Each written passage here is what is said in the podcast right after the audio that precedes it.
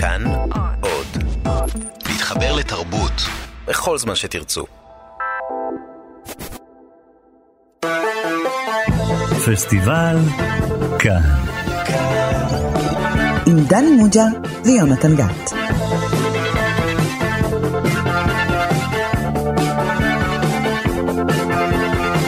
שלום לכם, אתם איתנו שוב בתוכנית הקולנוע הרדיופונית של תאגיד השידור הציבורי. אני יונתן גת, ואיתי יושב ראש המחלקה לקולנוע בבית ברל, הלו דני מוג'ה, שהוא אב לשני בנים ובת. נכון, שלום לך יונתן גד, אני אכן אב לשני בנים נפלאים ובת אחת מקסימה. הסתדרת מה שנקרא. לא, לא היית בצער גידול בנות בלבד. הצער היחיד שיש לי הוא הניסיון המסורבל שלך לרמוז באופן מאולץ על הסרט שאנחנו הולכים לדבר עליו. אה, ידעתי שתעקוץ אותי פה. כן, אתה הרי אבא קשה וקפדן, ואתה צודק, אנחנו אכן נדבר היום על הסרט הזה. אני רוצה להתגרש ממנה.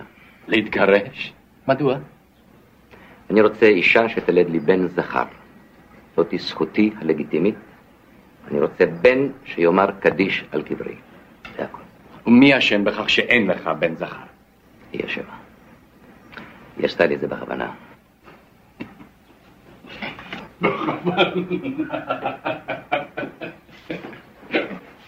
מר אלפנדרי, הגבר הוא הקובע את מין הילוד.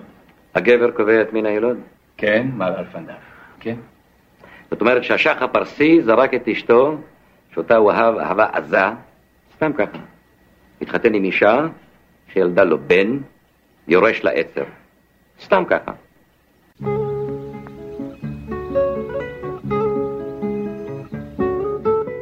כן, אנחנו שמענו עכשיו קטע מתוך הסרט אבו אל-בנאט משנת 1973 בבימויו של משה מזרחי, ואנחנו בדרך כלל מסבירים למה אנחנו מדברים על סרטים מסוימים בתחילת כל תוכנית, והפעם זה די ברור, התוכנית הזאת היא כולה מחווה למשה מזרחי, הבמאי שנפטר ממש לאחרונה. ולא רק אנחנו, בפסטיבל חיפה למשל, יקדישו למשה מזרחי אה, תשומת לב מיוחדת, מי שעוקב בעיתונים.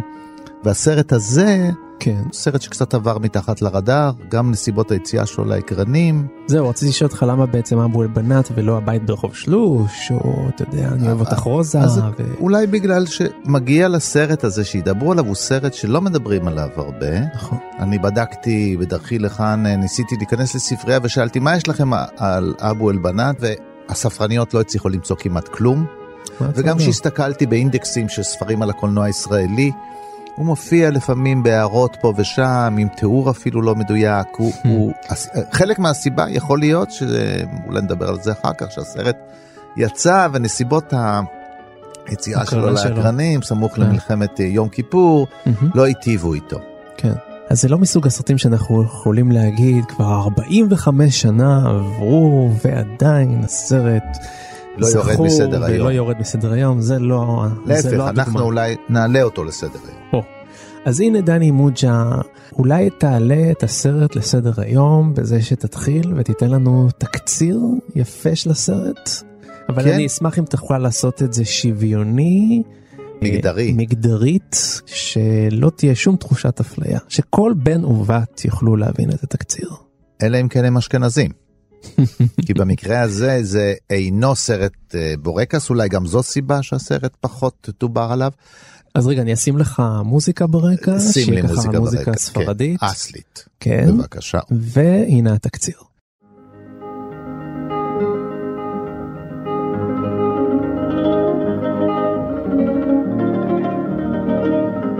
זה סיפורו של מר אלפנדרי, אמנם ספרדי, שבתאי אלפנדר. כן. שבתאי, שבתאי אל, אלפנדרי, עמיד, אה, בעל אה, פרדסים ובית אריזה, אה, עם בית מידות. בתקופה לא לגמרי ברורה, עם האוטו אתה יכול להבין שזה לא קורה היום, אבל באיזשהו עבר, מהמם. יש לו גם שפע של בנות בבית. אישה ובנות רבות. בנות רבות מדי מבחינתו, כי כן. אין לו בן. וכל מה שהוא רוצה זה בן. הוא עושה כך ועושה כך ומנסה להיעזר אפילו בדברים, הוא אדם מתקדם, אבל מתפתה גם, בצר לו להשתמש. בכשפים וקמעות. כל זה לא עולה יפה, ובן הוא לא משיג. הוא אפילו מוכן להשיא את ביתו לעוזר האישי הנאמן לו, ובלבד ש... יהיה מישהו שיגיד עליו קדיש. ידיש עליו, יגיד עליו קדיש, ו... נו, מה אתה חושב שנולד לו? נכד או נכדה? איך מסתיים הסרט? לסרט של מעל 40 שנה מותר לעשות ספוילר, כן, נכון? בהחלט כן. מותר. אה, כן, ולבסוף נולדה לו נכדה. נכדה. אבל אה, הוא לומד לאהוב אה, גם בנות. כן. כן, אם יש איזשהו לקח, אה, אז זה, זה הלקח. וכל הסרט הוא בתוך המשפחה הזאת, העולם היחיד שהוא פורץ אליו זה דרך החלומות שלו, חלומות בהקיץ או חלומות ממש, מהמם. שם הוא משופע בבנים, אה, בנים ויריליים, בנים גם ששומרים על המסורת, גם, גם חיילים. אה, חיילים טובים שיוצאים להגן על המולדת, אז הם כבר חלק מן החברה הישראלית. בחלומות שלו הוא מסתדר, במציאות פחות, אז הקונפליקט הוא בין החלום והמציאות ופחות בינו לבין נגיד אנשים אחרים מבחוץ.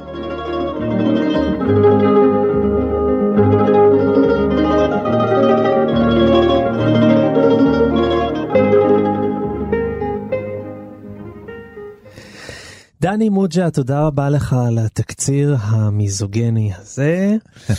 ובעצם זה סרט שהוא ייחודי מבחינת הפילמוגרפיה של משה מזרחי, הוא לא ככל הסרטים. אז אם אתה שואל על משה מזרחי, תראה מי יש לנו באולפן. מומחה למשה מזרחי. מומחה אדם שצבר שעות על שעות על שעות עם... והוא לא רק זה, הוא גם. כותב ספר על הקולנוע של משה מזרחי, כן, אז- מרת פרחומובסקי, אהלן. שלום לכם. אתה גם עיתונאי, גם מבקר, גם יוצר, גם אה, אחראי על אה, מאגר העדויות אה, של הקולנוע הישראלי, שמומלץ לגשת אליו ולהאזין לה, או לצפות במיטב בנינו בקולנוע יושבים מיטב ומדברים. סבינו בעיקר. ארוכות מדברים שם, כן? ממנחם גולן דרך אסי דיין וגם משה מזרחי, שנשמע קטעים ממנו אה, בהמשך התוכנית. אבל אה, מה בעצם ייחודי בסרט הזה של אבו אלבנת מול אה, שאר היצירה של משה מזרחי? קודם כל נתחיל מדברים פרקטיים. זה סרט שמשה מזרחי לא יזם אותו.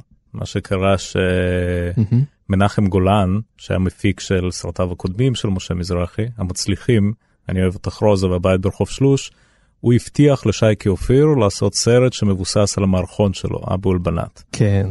אבל לא היה לו זמן, כי הוא רצה לעשות את קזבלן באותו רגע. כן. והוא פנה למשה מזרחי כי הוא ידע ששייקי אופיר מאוד מעריך את משה מזרחי הם כבר שיתפו פעולה בבית ברחוב שלוש מהמם. והוא הציע למשה מזרחי להציל אותו במרכאות ולביים את הסרט במקומו. ומשה מזרחי מאוד התלבט כי הוא הבין שבעצם החומרים הם חומרים של קומדיות בורקס רגילה זאת אומרת זה ממש כן. אבו אלבנת כן זאת אומרת.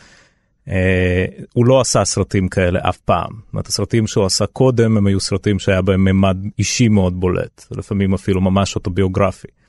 אבל הוא מאוד אהב את שייקי אופיר והוא אמר לעצמו, שייקי גם היה אז אחרי התהילה הגדולה של השוטר אזולאי, כן כמובן, גדול, כן, הוא היה כוכב ו... ומשה מזרחי מאוד העריך אותו כשחקן אה, והוא החליט שאם הוא יצליח בתוך המסגרת הזאת של סרט שהוא בעצם עשוי מכל החומרים של סרט בורקס, אם הוא יצליח בתוך המסגרת הזאת לעשות סרט שכולל גם את הרגישויות שלו, אה, משרטט איזושהי דמות אמינה מבחינה פסיכולוגית, מעניינת, מורכבת.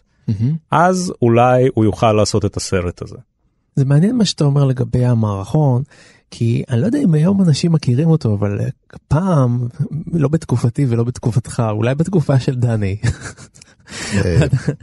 המערכון הזה היה קלאסיקה ענקית, זה היה, אנשים היו מצטט, זה מערכון, מסוג המערכונים שהיום מצטטים קטעים ממנו לכותרות בעיתונים על אקטואליה, עד כדי כך זה היה כל כך מוכר. ואולי בואו נשמע קטע מהמערכון המקורי, שייקי אופיר, אבו אלבנת. אלברט, מה אגיד לך, עברו עלינו ימים קשים, ימים קשים. אבל מה, אני הייתי יכול להיות המאושר באדם, אני מה חסר לי, אלברט, תגיד? חנות פירות ירקות משגשגת יש לי פה במרכז, ראית בפינה? יש, יש. מכונית מסחרית על הכיף הכרמל קטנה למטה, ראית? יש, יש, בית נחמד, אבל מה יש? תשע בנות נקבות, תשע סטירות לחי, תשע בשורות איוב. אברהם, היצחק, היעקב, השמעון, השמואל, היוסף, הישראל, החיימה ואלברט על שמך. שנתיים וחצי, כן. וואלה, בהתחלה עוד הייתי הולך כמו חמור לבית חולים. אחרי שמעונה אמרתי להם, לא רבותיי, אני לא הולך. ייוולד בן זכר, תראו לי הוכחות, אני מביא אותו הביתה. תיוולד בת, אל תודיעו לי שום דבר. עוד חמש פעמים לא הודיעו לי שום דבר. הייתה חוזרת עם האימא שלה, מסתגרות עם כל הילדות בתוך החדר, דומה לאבא, דומה לאימא, קוצ'מוניו, קוצ'מוניו, רק בשקט לא לעצבן אותי חלילה. שאני אלך לרופא? למה שאני אלך לרופא? לא, לא, תגיד, כמו חבר אל חבר. הנה חזרת לי פרופסור למדיצין, אני אתה מאמריקה, יש לי חדשות בשבילך. הלכת אני אצל רופא מומחה ספיישליסט של המקרים האלה. אמר לי, מה הבעיה שלך? אמרתי לו, לא, אני באתי בעניין הבעיה של אשתי, אבל אמרתי לו, תראה את זה כאילו זה הבעיה שלי. אמר לי, מה? אמרתי לו, ככה תראה אותה, לא תכיר עליה שום דבר, נראית נורמלי. רק לא יכולה להוליד בנים זכרים. מה אמר לי החמור הזה? הגבר הוא הקובע את מין הילוד. בחיי פעם ראשונה בחיים שלא רואה אותי, לא בדק לי, לא דופק, לא עין, לא אוזן, לא שתן, שום דבר. יעני כל הגברים אותו דבר. כן, זה קשה לעכל את זה שבעבר זה היה פולקלור שהיו מקבלים אותו, לפחות uh, במערכונים. שהיום זה פשוט uh, אוזניים תצילנה. ומעניין שהצליחו באמת לקחת מערכון כזה ולתרגם אותו לסרט שהוא לא מערכוני בכלל, הוא אפילו על גבול הטרגדיה, לא קומדיה. כן, אני חושב שהוא מחפש את אה, בני האדם, זה מה שמעניין אותו, כן. לחפש את הבן אדם בדמות הגרוטסקית הזאת. זה מה שהוא עושה בכל הסרטים שלו, הוא מתעסק בניואנסים של הנפש האנושית, זה הפורטה שלו בכל הסרטים. כן. אה, ולכן הוא לוקח את הדמות הזאת ובאמת אה, מנסה להבין אותה, מנסה להבין את המניעים שלה, מנסה להבין איזה מין בן אדם זה. משהו שבעצם נוגד את המערכון, 180 מעלות המערכון מחפש את הצחוקים הקלים בסופו של דבר. Mm-hmm. איזשהו אפיון שבאופן האפקטיבי ביותר יגרום לנו לצחוק.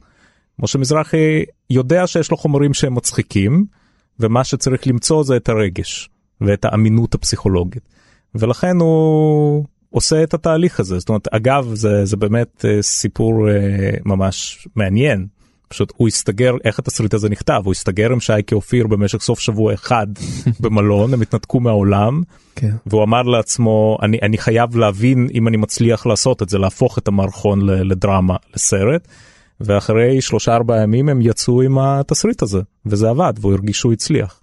טוב, מעבר לעניין של הרדידות והצמצום שיש במערכון והצורך בהקצנה, יש מה שתמיד קורה כשאתה מעביר uh, ממדיום אחר אל הקולנוע, בין אם זה תיאטרון ובין אם זה ספרות ובין אם זה עיתונות, מקרה שהיה, אתה צריך להרחיב את העלילה כדי שיהיה מה לראות, אתה לא במקום אחד. מערכון יכול להתרחש כולו בשיחת טלפון אחת, שמדווחים על כל מיני דברים, וכאן צריך לנסוע, צריך לצאת, אז הסרט mm-hmm. מתרחב, מגיע לכל המקומות האלה שמדווחים אולי במערכון. כן. עניין אחר זה שמערכון הרבה פעמים מצומצם מאוד בזמן. Mm-hmm. הוא מתאר uh, מישהו שמארח מישהו, ובמהלך זה הוא מספר לו על הצרות שלו. פה כן. רואים את הצרות שלו מתפרסות על פני פרק זמן, כן. uh, נכנסים להיריון, uh, יולדים, וכמובן הדבר הבא שמזרחי ידע לעשות את זה טוב מאוד, וזה שמזרחי יודע שסרט אה, לא מבוסס על טקסט שמצלמים אותו. מילים שנותנים לשחקנים ועם כל הפסיכולוגיה ואז מצלמים אותו. וצריך לחשוב הרבה על מיזן סצנה, הוא חושב הרבה איך נראה הפרם, ובסרט הזה באופן בולט הוא גם uh, משקיע באיך ייראה הסרט הזה מבחינה צילומית. יש אפילו רגעים שאתה מרגיש שיש עצמאות לצלם, אדם גרינברג, כן, שעושה עם המעט שיש לו, שני אנשים בשדה, mm-hmm. שימוש באורח הורי, תשומת לב רבה למבע הקולנועי שאיתו הסרט מביע תחושות, רגשות, אווירה. העולם מאוד מאוד יפה, הרבה פעמים יפה מדי אל מול הצרות שיש לאיש הזה. הוא לא יכול לראות, הוא לא יכול ליהנות מיפי הפרדסים, מהאושר של המפעל שלו, הוא לא יכול נכון. ליהנות מזה, מהבית שלו, מהסימטריה שיש. נכון. כן, וכל היופי הזה, לא יוצא לו כלום. הוא מרגיש שחייו אינם חיים. הוא לא יכול ליהנות מכל הדבר הזה. וזה לא קורה במערכון. מה אתה אומר, יוסף? נמכור את הפרדסים? שבתאי, איך היה אומר אביך עליו השלום? אדמה ופרדסים זה בשביל לקנות, לא בשביל למכור שבתאי. לאבי עליו השלום היה למי להוריש את הפרדסים. לי. איך קראו לו? אבו שבתאי. ואיך קוראים לי?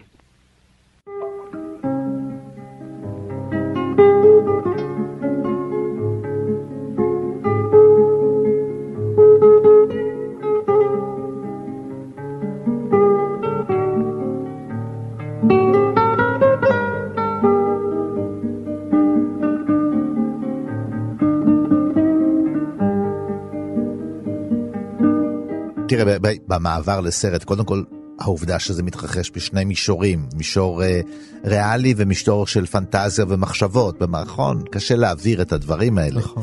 כי זה נשאר כל הזמן באותו מקום. עניין נוסף, המערכון כולו בנוי כמונולוג. אה, שקי אופיר היו לו מערכונים גם עם עוד, עם אורי זוהר ואחרים, אבל mm-hmm. המערכון הזה הוא כמונולוג, הדמויות האחרות הוא מקסימום חוזר על משפט שהם כביכול אמרו, אבל עונה בעיקר לשאלות, כן. גם אם יש דיאלוג. כן.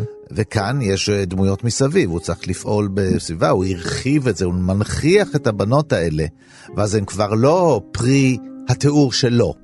כן? אה, זה לא גס ואולי קצת אפילו אינפנטילי, אה, הוא לא קורא לבנות שלו כולם בשמות של בנים כדי שאולי הם יהפכו לבנים, כן? אין את ההיבטים כן, נכון. האלה המאחרונים. נכון. כן, כי הוא זה... מחפש את האמינות הפסיכולוגית, זאת אומרת זה מה שהוא מחפש בכל הסרטים שלו וגם כאן.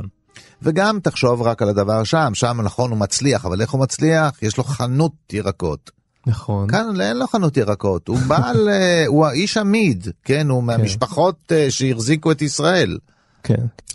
אני צריך להגיד שפשוט הסרט הזה הוא גם ממשיך איזשהו פרויקט מתמשך של משה מזרחי בסרטים הישראלים שלו של אנטיתזה לבורקס. זאת אומרת זה לא סתם. אז אני רוצה בדיוק על העניין הזה להשמיע לכם את uh, משה מזרחי בעצמו באתר uh, מאגר העדויות של הקולנוע הישראלי על הנושא הזה של היציאה מהסטריאוטיפ המזרחי.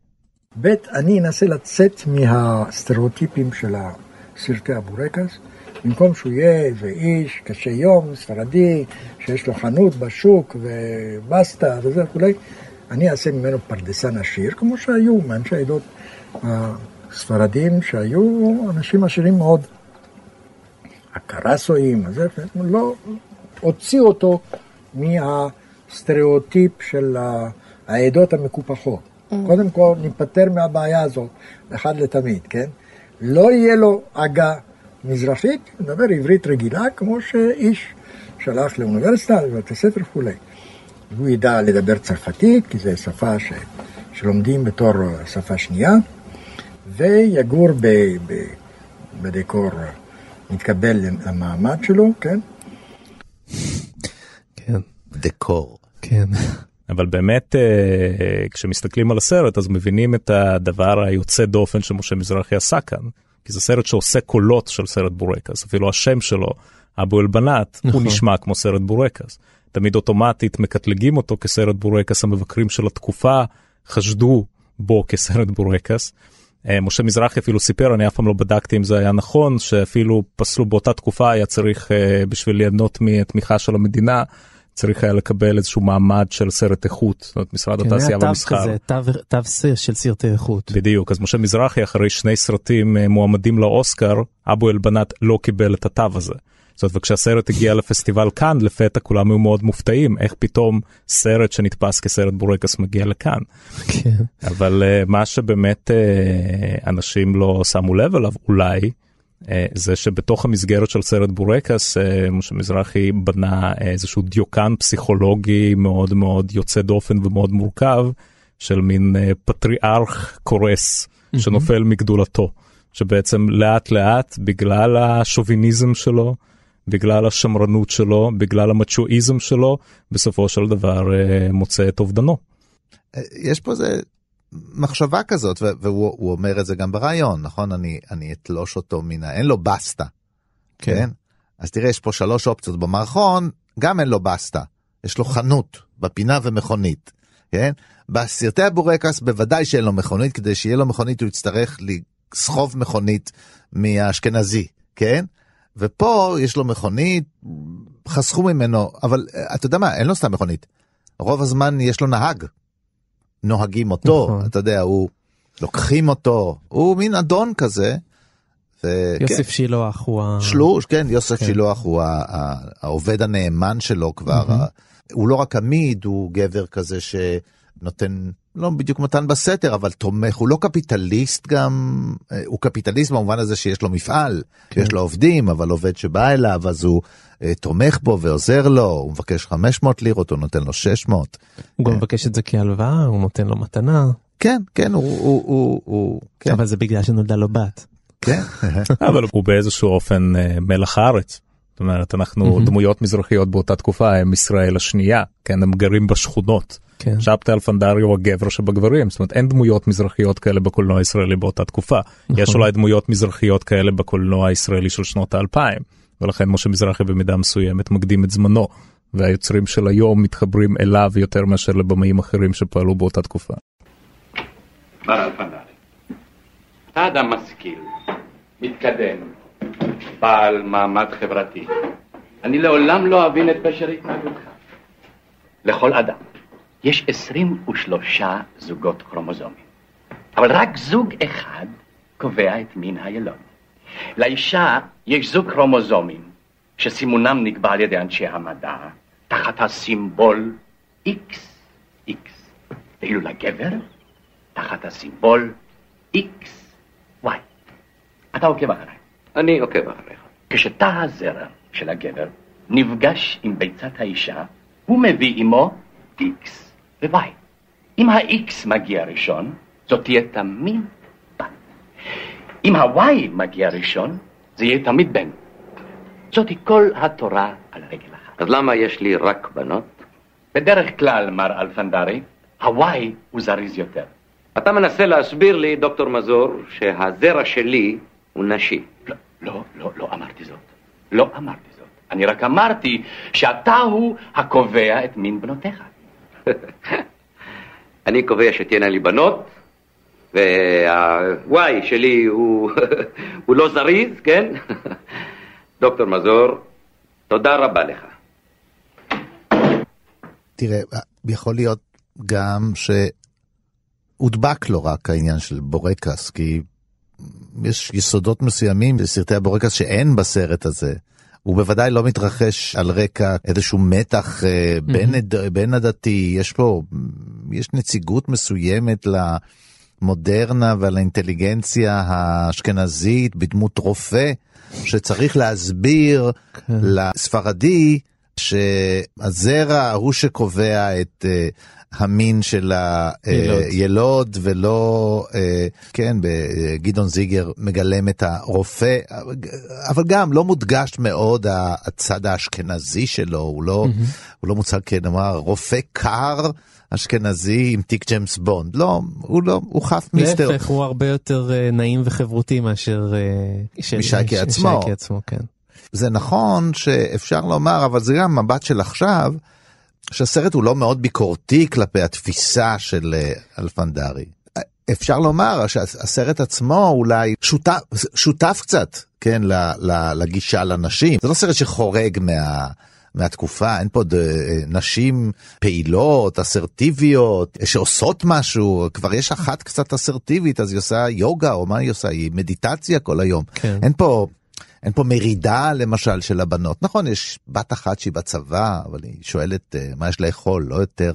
לא, אבל יש גם בת אחת ש... שהולכת ללמוד, זאת אומרת שהיא לא רוצה להתחתן, היא אומרת אני הולכת ללמוד, וזה מאוד מאוד מרגיז אותו. זה ביטויים, אבל כן. לא, זה לא קורה בסרט. כן, נכון.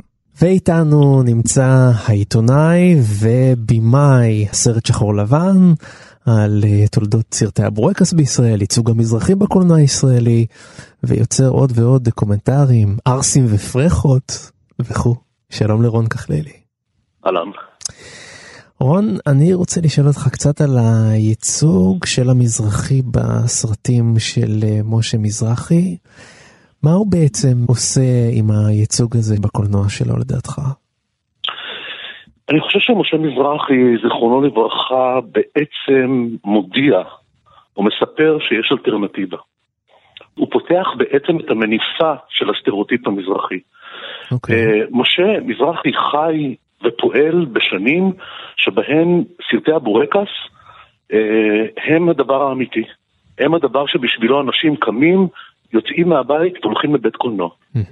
ושם הם רואים את הייצוג שלהם. והייצוג שלהם בסרטי הקולנוע הוא ייצוג משפיל, דוחה ומדכא. אוקיי? גם אם תמיד יש happy end וחתונה עם אה, לבנה אשכנזייה שמנגנת על צ'לו. גם אז כל, כל, מכל ההיבטים, מכל ההיבטים ש, ש, כן. שיש לקולנוע הזה, הקולנוע הזה סימן את המזרחים באופן המשפיל ביותר, בעיניי משהו שתקף עד היום. כשאני רואה ערוץ 2 אני רואה סרטי בורקס. למרות שיש הרבה מזרחים שיחלקו עליך. סביר להניח, זה okay. אוקיי, בסדר. עכשיו, okay. כן. משה מזרחי עובד מול הדבר הזה. מול המיינסטרים הדורסני הענק, תשמע, תשמעו, זה, אה, אה, סאלח שבתי רואים למעלה ממיליון צופים. נכון. במדינת ישראל אין עדיין שבעה מיליון אזרחים. Mm-hmm. זאת אומרת, אנחנו מדברים על מספרים חסרי פרופורציות, ואנשים הולכים, ובמוח שלהם ובתודעה שלהם נצרבת התודעה שככה נראה המזרחי. ואז מגיע, מגיע משה מזרחי. והמזרחיות אצלו היא כל כך עדינה, היא כמו רקמה. היא, היא, היא, היא אצילית, היא כמו שאני מכיר מהבית. היא לא הבעבע הזה של, של סאלח שבתי. היא לא הבעבע הזה של זאב רווח ויוסף שילוח, זיכרונו לברכה. Mm-hmm. זה לא. זה משהו אחר לחלוטין. הן זקופות, הגיבורות שלו זקופות. גילה אלמגור אומרת לי שם בסרט שחור לבן, שאגב זה סדרה, כן. אה, גילה אלמגור אומרת לי משפט נורא יפה כשהיא משחקת בבית ברחוב שלושת האימא, שמנקה רצפות אצל הגברת האשכנזייה, והיא מספרת שברגע שהיא נכנסה לדמות, היא הרגישה כאילו שהיא בולעת מטאטא. וזה mm. ביטוי נורא נורא יפה וציורי בעיניי. זאת אומרת, היא מזדקפת. היא כבר לא האישה המזרחית הכפופה, הזונה, עם הרגליים הפסוקות והפנים העייפות והשפה המלעלעת הזאת, אלא היא פתאום גברת, גם אם היא מנקה רצפות של גברת לבנה. היא גברת בפני עצמה, יש לה תרבות, יש לה היסטוריה, יש לה שם, יש לה כבוד, מחזרים אחריה, יש לה ילדים שקוראים לה אימא, היא זוכרת את שמות ילדיה בניגוד לסלאח שבתי. היא יודעת מאיפה היא באה ולאן היא הולכת, היא לא קורבן. כן. וזאת אלטרנטיבה שבעיניי 50 שנה אחרי זה, על מראשותיה בעצם, תקום הקשת המזרחית הדמוקרטית. זה בדיוק מה שהקשת המזרחית הדמוקרטית, וזה בדיוק מה שאני מבקש בכל סרטיי או מאמריי להגיד, שיש עוד מזרחים. הרי מה זה, מה זה סטריאוטיפ? משה מזרחי הבין בדיוק מה זה סטריאוטיפ. סטריאוטיפ זה לקחת תרבות שלמה, ענקית ועצומה, עם היסטוריה ונרטיבים וכולי וכולי, ולצמצם אותה לכדי משפט אחד קטן ומעליב. Mm-hmm. האיש עם השערות על הפנים. זה לקחת את כל התרבות הפלסטינית, את כל ההיסטוריה הפלסטינית, את כל הטוב והרע וה, והלא נורא שיש בה, ולצמצם אותה למשפט כל כך קטן, מקטין ומדכא. כן. מה, כי, כי מה זה איש עם שערות על הפנים? זה מלוכלך, זה לא תרבותי, זה חיה. Mm-hmm. וזה בדיוק מה שעשה משה מזרחי, וזה בדיוק מה שעשתה הקשת המזרחית הדמוקרטית, וזה בדיוק מה שאני מנסה לעשות כל הזמן, להגיד, יש עוד מזרחים. בניגוד לסטריאוטיפ, או במקביל לסטריאוטיפ, יש גם כמו, כמו הטענה של זאב רווח, שבאמת טענה בזויה, יש גם כאלה אנשים. מה, כשאני שמה שואל? אותו מה- בסרט שחור לבן, תגיד, מה זה הדמויות האלה? אז הוא אומר, יש כאלה אנשים גם כן. בשכונה שלי בירושלים, אני ראיתי גם כאלה דמויות, היו איתי בבית הכנסת, וכל סיפורי בית אבא וכולי וכולי. זה קשקוש כמובן, תמיד יש את הדמויות האלה. השאלה היא, כשהקולנוע הוא כל כך משמעותי, ומזרחי פועל בשנים שהקולנוע הוא הרבה יותר משמעותי מאשר היום, זה טרום טלוויזיה כמעט. כן. עושה טלוויזיה חלשה מאוד, רק ערוץ אחד וכולי. זאת אומרת, כל הדימוי שיש לנו בעצם נוצק בקולנוע. ומשה מזרחי מבין את הדבר הזה. ומה תגיד? והוא, בניגוד, בניגוד לזרם המרכזי, בניגוד לקופות הצוהלות של סרטי הבורקס, הוא לוקח צ'אנס. המזל שלו בתוך הדבר הזה, לא נעים לי להגיד, זה מנחם גולן, שהוא חתיכת בולדוזר, והוא יודע לקדם דברים. הוא לוקח את השם, אה, אה, אה, למשל, אני אוהב את החוזה, הוא סיפר לי גם כן בסרט שחור לבן, הוא מספר לי שמשה מזרחי הגיע אליו אלמוני כזה מצרפת, אחרי הלימודים, בלה בלה בלה, והגיש לו תסריט, ושמו היה לאה. ומנחם גולן נורא נורא התלהב מהתסריט, אמר לו, תשמע, אני מוכן להשתיק לך בתנאי. שאנחנו מחליפים את השם, והשם שלי הוא אני אוהב אותך רוזה. כי אז, הוא מספר, אז כל השמות של הסרטים המצליחנים, המצליחים היו, היו שמות שמבוססים על שמות של אה, זה, אני יודע מה, עליזה מזרחי, כל מיני כאלה. השמות של, של, של פורטונה, צ'ארלי וחצי, כן. כן, שמות של, של, של אנשים. והשמות של האנשים הם שמות מזרחיים, וזה, והמזרחיים שלא ראו את עצמם בשום מקום אחר, יכלו פתאום לגשת לקופות ולצפות בסרט שמראה אותם. גם אם הוא מראה אותם באופן משפיל ומבזה, הוא מראה אותם, מישהו רואה אותם. מכאן הצליחו סרטי הבורקס, ומכאן, בעיניי, משה מזרחי קנה את מקומו בגן העדן של הקולנוע. מה תגיד על אה, זה שבעצם שבתאי אלוונדרי בסרט כן. הוא מיזוגן, מבחינתו בנים שווים יותר מבנות. זה לא שם אותו שוב פעם במשבצת הזאת של המזרחי לא, כי אם, כי אם הברברי? יש לו שם, לא, כי אם יש לו, זה, זה לא איזה סטריאוטיפ, זה, אני, כשאני נכנס לדמות, אני יכול לגשת עליה גם במונחים אה, אה, ביקורתיים, כלומר, אני יכול להציג דמות שהיא, יש בה כמה דברים טובים, ויש בה כמה דברים איומים ונוראים, וזוהי המציאות שאני מגיש, אבל סרטי הבורקס לא הציגו כמה, כמה תכונות בו זמנית, זו הייתה תכונה אחת. כן, נכון. זה היה, זה, זה דמויות דו, חד-ממדיות. נכון. אין לי בעיה עם אלפנדרי כשהוא הוא גם כזה והוא גם כזה והוא גם כזה והוא גם, גם רך והוא גם טוב והוא גם מצחיק והוא גם נכלולי והוא, הוא, הוא, הוא, והוא מיזוגן באמת. זאת אומרת, הוא כל מיני דברים כמו הרבה אנשים שאני מכיר. תשמעו, אני לא בא ואומר שצריך לעשות קמפיין למזרחים ולהציג אותם בתור אה, פרופסורים למען זכויות אדם. אני, אני לא אומר, אני, זה, זה לא מעניין, אני, אני מבין את הקולנוע, זה, זה באמת לא מעניין. אני אומר, תביא דמות מורכבת, זה בסדר, אתה יכול גם לבוא ולבקר אותה ולבקר דרכה את הפטריארכיה המזרחית שאכן בשנים ההן הייתה מאוד נוכחת, אבל יחד עם זאת אתה נותן לדבר הזה רקע וקונטקסט ו- ואתה שם את זה בתוך איזה מדרג אנושי, שפתאום הנה אתה יכול, או אנחנו יכולים בעצם לבוא ולדבר על זה, הנה הוא גם כזה, והוא גם כזה. נכון. מה זו דמות ספרותית טובה? היא דמות שהיא גם כזו, והיא גם כזו, אותו דבר דמות קולנועית. אין שום הבדל בדבר הזה. להפך, ככל שנחשפים יותר צדדים של גיבור, אני חושב שככה הוא הופך יותר ויותר לזכיר, למשמעותי, למזיז חדרים בתוך הלב. הוא, הוא פתאום שם אותך כצופה או כקורא בפני דילמה. הנה אני אוהב אותו מצד אחד, והוא נחמד, והוא ככה, והנה הג'סטה הזאת נורא יפה, והג'סטה ההיא נורא יפה. אבל תראו, מצד שני, תראו מה הוא עושה. מה, זה לא כל הרומנים הגדולים שקראנו בחיינו, הסרטים הגדולים שראינו בחיינו, שהם, שזה בדיוק הדמויות שאנחנו אוהבים. צודק. רון כחלילי, במאי, עיתונאי וגם חבר שאני נהנה לדבר איתו תמיד. תמיד. תודה, תודה רבה שהיית איתנו. תודה רבה. ביי ביי. ביי ביי. ביי ביי, תודה דני.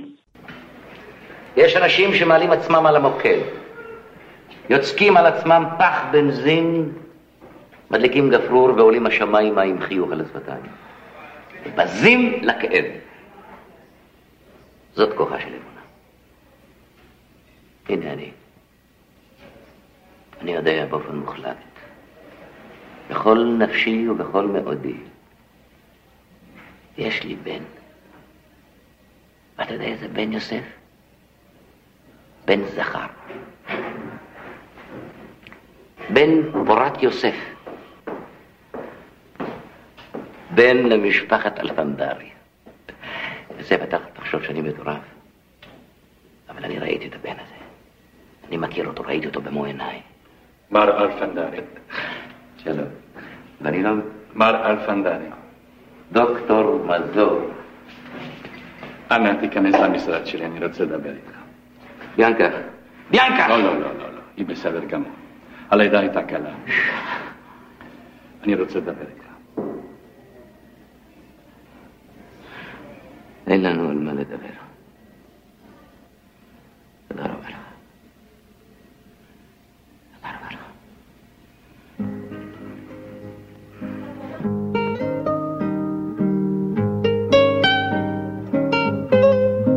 מה שיפה אני חושב בסרט הזה באבו לבנת זה היכולת של משה מזרחי לקחת גבר שוביניסט, אגו צנטרי בטירוף, נרקיסיסט, אטום כלפי הילדות שלו, לא מוכן לטפל בבת הקטנה שלו שרגע נולדה, מזניח את אשתו שמה בבית החולים, לא בא לבקר אותה בכלל אחרי שנולדה לו בת. באמת אה, דעות פרימיטיביות ומעצבנות מאוד, ומזרחי גורם לנו לא רק להזדהות איתו בשלבים מסוימים בסרט, יותר מאוחרים אולי, אלא באמת להתרגש ממנו, זה מאוד מפתיע. גם אותי, אתה יודע, צפיתי בסרט הזה שוב, אני חושב בפעם החמישית אתמול, לפני השידור, כדי ככה להיזכר שוב. אני התרגשתי מהסרט הזה בסופו של דבר. ואז שמעתי את uh, משה מזרחי אולי מסביר את הטכניקה הזאת, איך הוא גורם לנו בכל זאת לחבב, לצחוק מהאיש הזה. בואו נשמע אותו רגע מסביר. והגיבור הוא תמיד מישהו, ומפה נולד הצחוק במידה, במידה רבה, שרוצה אבל לא יכול. הוא רוצה להיות פטריארכלי, כשהוא רואה את עצמו, הרי אני נותן לו את זה. אי אפשר להיות יותר uh, גרפי מהסרט. כשהוא בדמיון שלו רואה את עצמו מוקף בנים, כן. כל אחד בא ומנשק לו את היד וכולי, כמו החברה הפטריארכלית האידיאלית.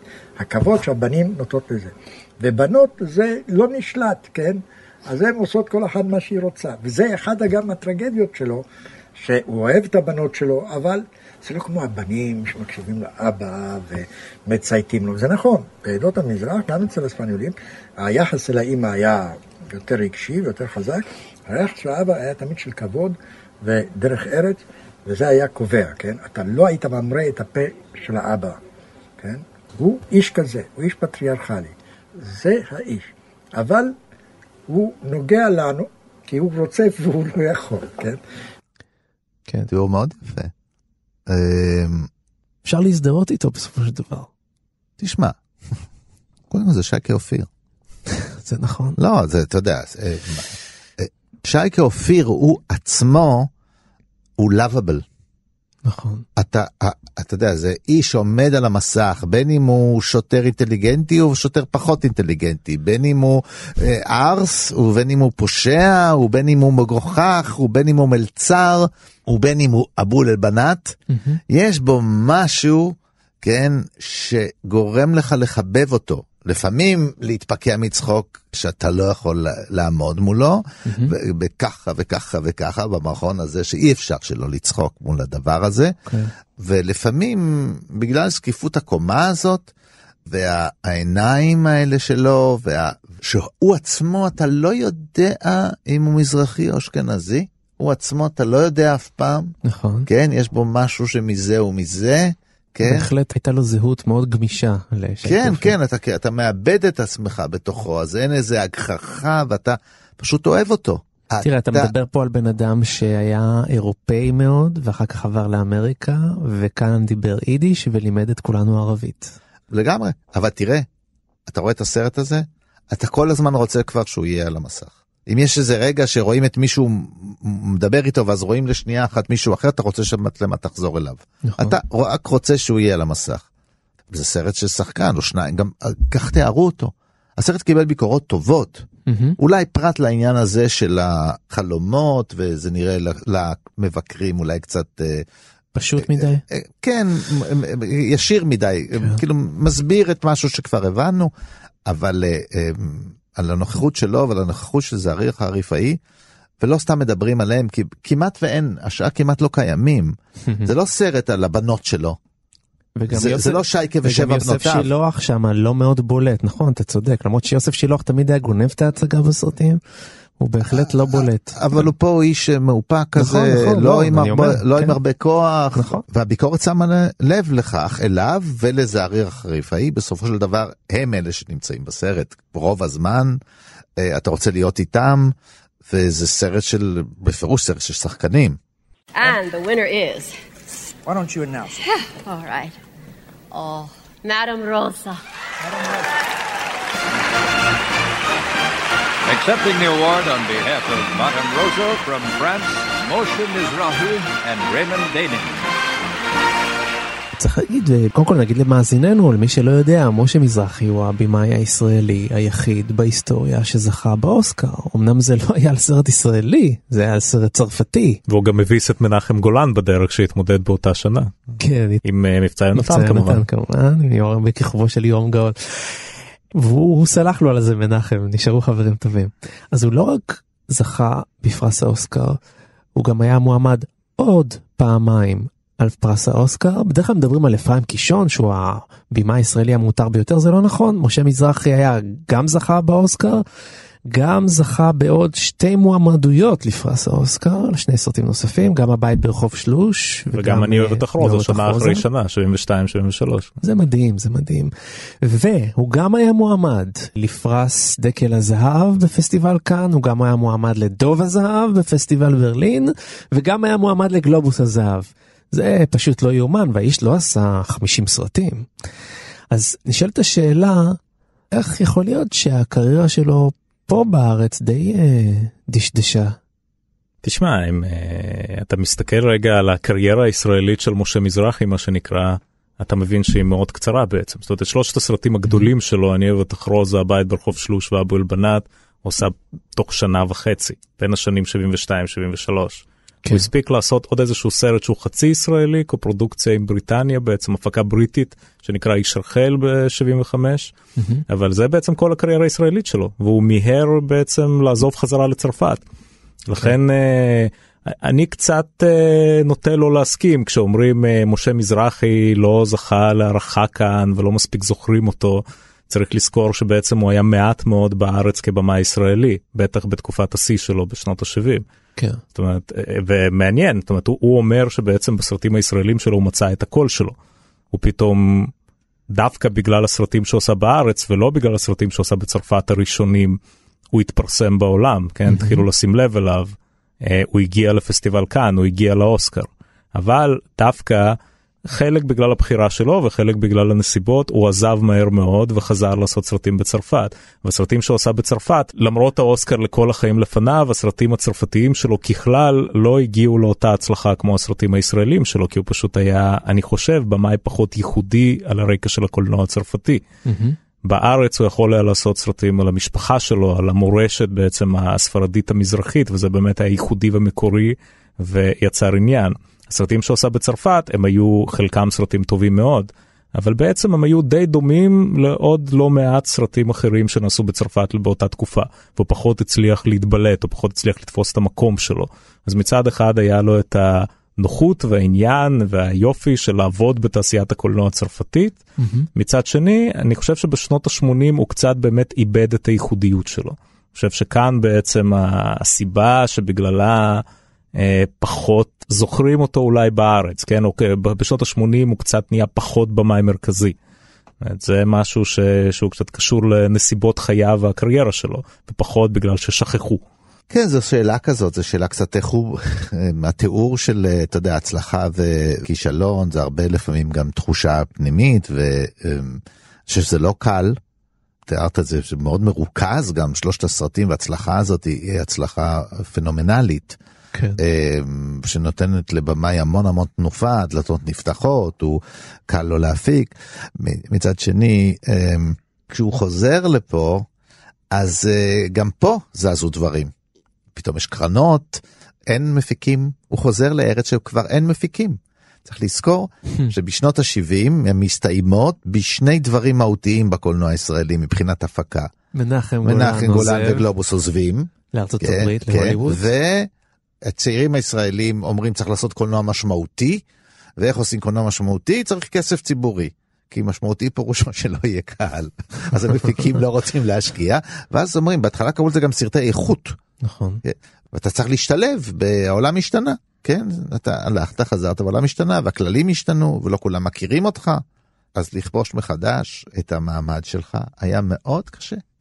לא ועד קל. עד יומו האחרון הוא ניסה ליזום פרויקטים כאלה ואחרים והוא נדחה הרבה פעמים על ידי ההקרנות. ו... כן, וזו השאלה היא מה אתה עושה. יש אה, בני דורו אחרים גם נדחו, אבל הם אה, נגיד היו עקשנים. מנחם גולן למשל, עד יומו האחרון הוא היה גולן, מגייס. אה, כן, אה, כן, אה, אה, אה, או בשיטות אחרות, לגמרי באופן עצמאי, וולמן. דן וולמן, רוצים לעזור לי, תעזרו, לא רוצים, אני אעשה לבד. אני אעשה באגורה, אני אעשה בבית.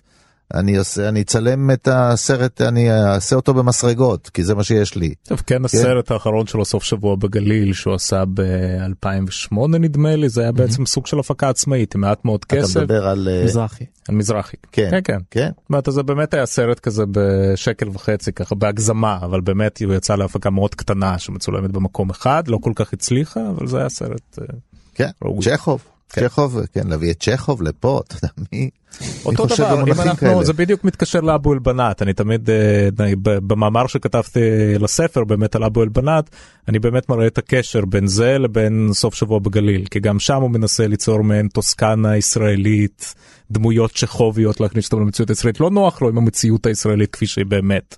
הוא כל הזמן מנסה לעשות ממנה משהו אחר. אני חושב שמסתכלים על הקולנוע שלו באופן עקבי, הוא בורח מהישראליות כפי שהיא. זאת אומרת, או שהוא עושה דברים שמתרחשים בתקופה אחרת, זאת בירושלים של המאה ה-19, אה, או ש... זאת אומרת, גם כשהוא מתעסק בכאן ועכשיו, הוא יוצר מין בועות כאלה שהן חצי אגדתיות בעצם, כמו אבו אל-בנאת, או כמו סוף שבוע בגליל. זאת אומרת, משהו שאנחנו לא לגמרי יכולים לזהות עם הישראליות שאנחנו מכירים מהמציאות. אני חושב שיש לו איזה אי נוחות, הוא מתחבר יותר לפן היהודי. ופחות לפן הישראלי. הוא רואה את עצמו אזרח העולם, הוא רואה את הקשר שלו עם היהדות. העניין עם הציונות, אני חושב שהוא קצת היה תמיד מסויג ממנו, הישראליות הייתה לא כל כך נוחה לו. כן. מה אתם יושבים כמו חבורה אבלה, חפוית ראש? ריבונו של עולם, הרי ברור שיש לנו בת. בת. אני התערבתי שתהיה לנו בת. אני רוצה בת.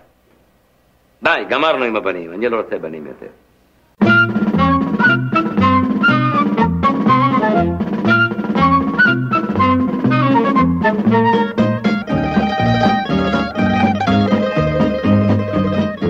טוב, הגענו לשלב ההמלצות, וזה אומר שאנחנו רוצים להמליץ לכם על עוד סרטים שקשורים בדרך כזו או אחרת לסרט שעסקנו בו בתוכנית הזאת. דני, על מה תמליץ לנו? אני אמליץ על כל החיים לפניו. כן. אה, פשוט, אמנם זכה באוסקר. אמנם סימון סיניורה, כן. אבל אה, לא, גם עליו אה, אנחנו לא מזכירים אותו הרבה, לא רואים אותו נכון, הרבה. לא רואים אותו גם- כמעט בכלל גם בארץ. בסינמטקים. אז אני מאוד ממליץ לראות שוב את הסרט הזה. ואורחנו, מרת, מה תמליץ? אני אמליץ על סרט אחר של משה מזרחי שלא מספיק אנשים מכירים. ואני ממליץ עליו בעיקר לאנשים שבאמת אומרים לעצמם, אוקיי, הוא עשה שלושה סרטים מדהימים באמת אה, על התרבות המזרחית, על התרבות הספרדית, על הבית שלו בעצם בשנות ה-70, והוא לא המשיך עם זה. אבל בעצם באמצע שנות ה-90, כשהוא חזר לארץ, הוא מאוד רצה להמשיך עם זה. הוא עשה תסריט שהוא כתב כבר בתקופה של אני אוהב אותך רוזה והבית ברחוב שלוש, תסריט שנקרא נשים. אה, זה סרט שהיו לו בעיות נוראיות בהפקה שבסופו של דבר בקושי הופץ, אבל זה סרט בעצם שחוזר לירושלים של סוף המאה ה-19, מספר סיפור מאוד טעון על באמת שתי נשים וגבר, אה, כולל את אותם הסממנים כמו בסרטים הגדולים שלו, מבוסס על סיפור של יהודה בורלה כמובן, וזה סרט יפהפה מכל מיני בחינות ושווה לעשות מאמץ ולהשיג אותו. ומרת, מה יהיה שם הספר שלך על משה מזרחי? שם הספר הוא מבוא לאהבה. Hmm. הסרטים של משה מזרחי והוא הולך לצאת אה, ככל הנראה כבר באוקטובר. טוב, אז מי ש... אוקטובר 2018. אוקטובר 2018. זאת אומרת שמי שיקשיב לפודקאסט הזה באיחור, יוכל כבר אולי למצוא את הספר שלך בדוכנים, אז זה מסקרן. אני הולך לקרוא אותו בכל מקרה.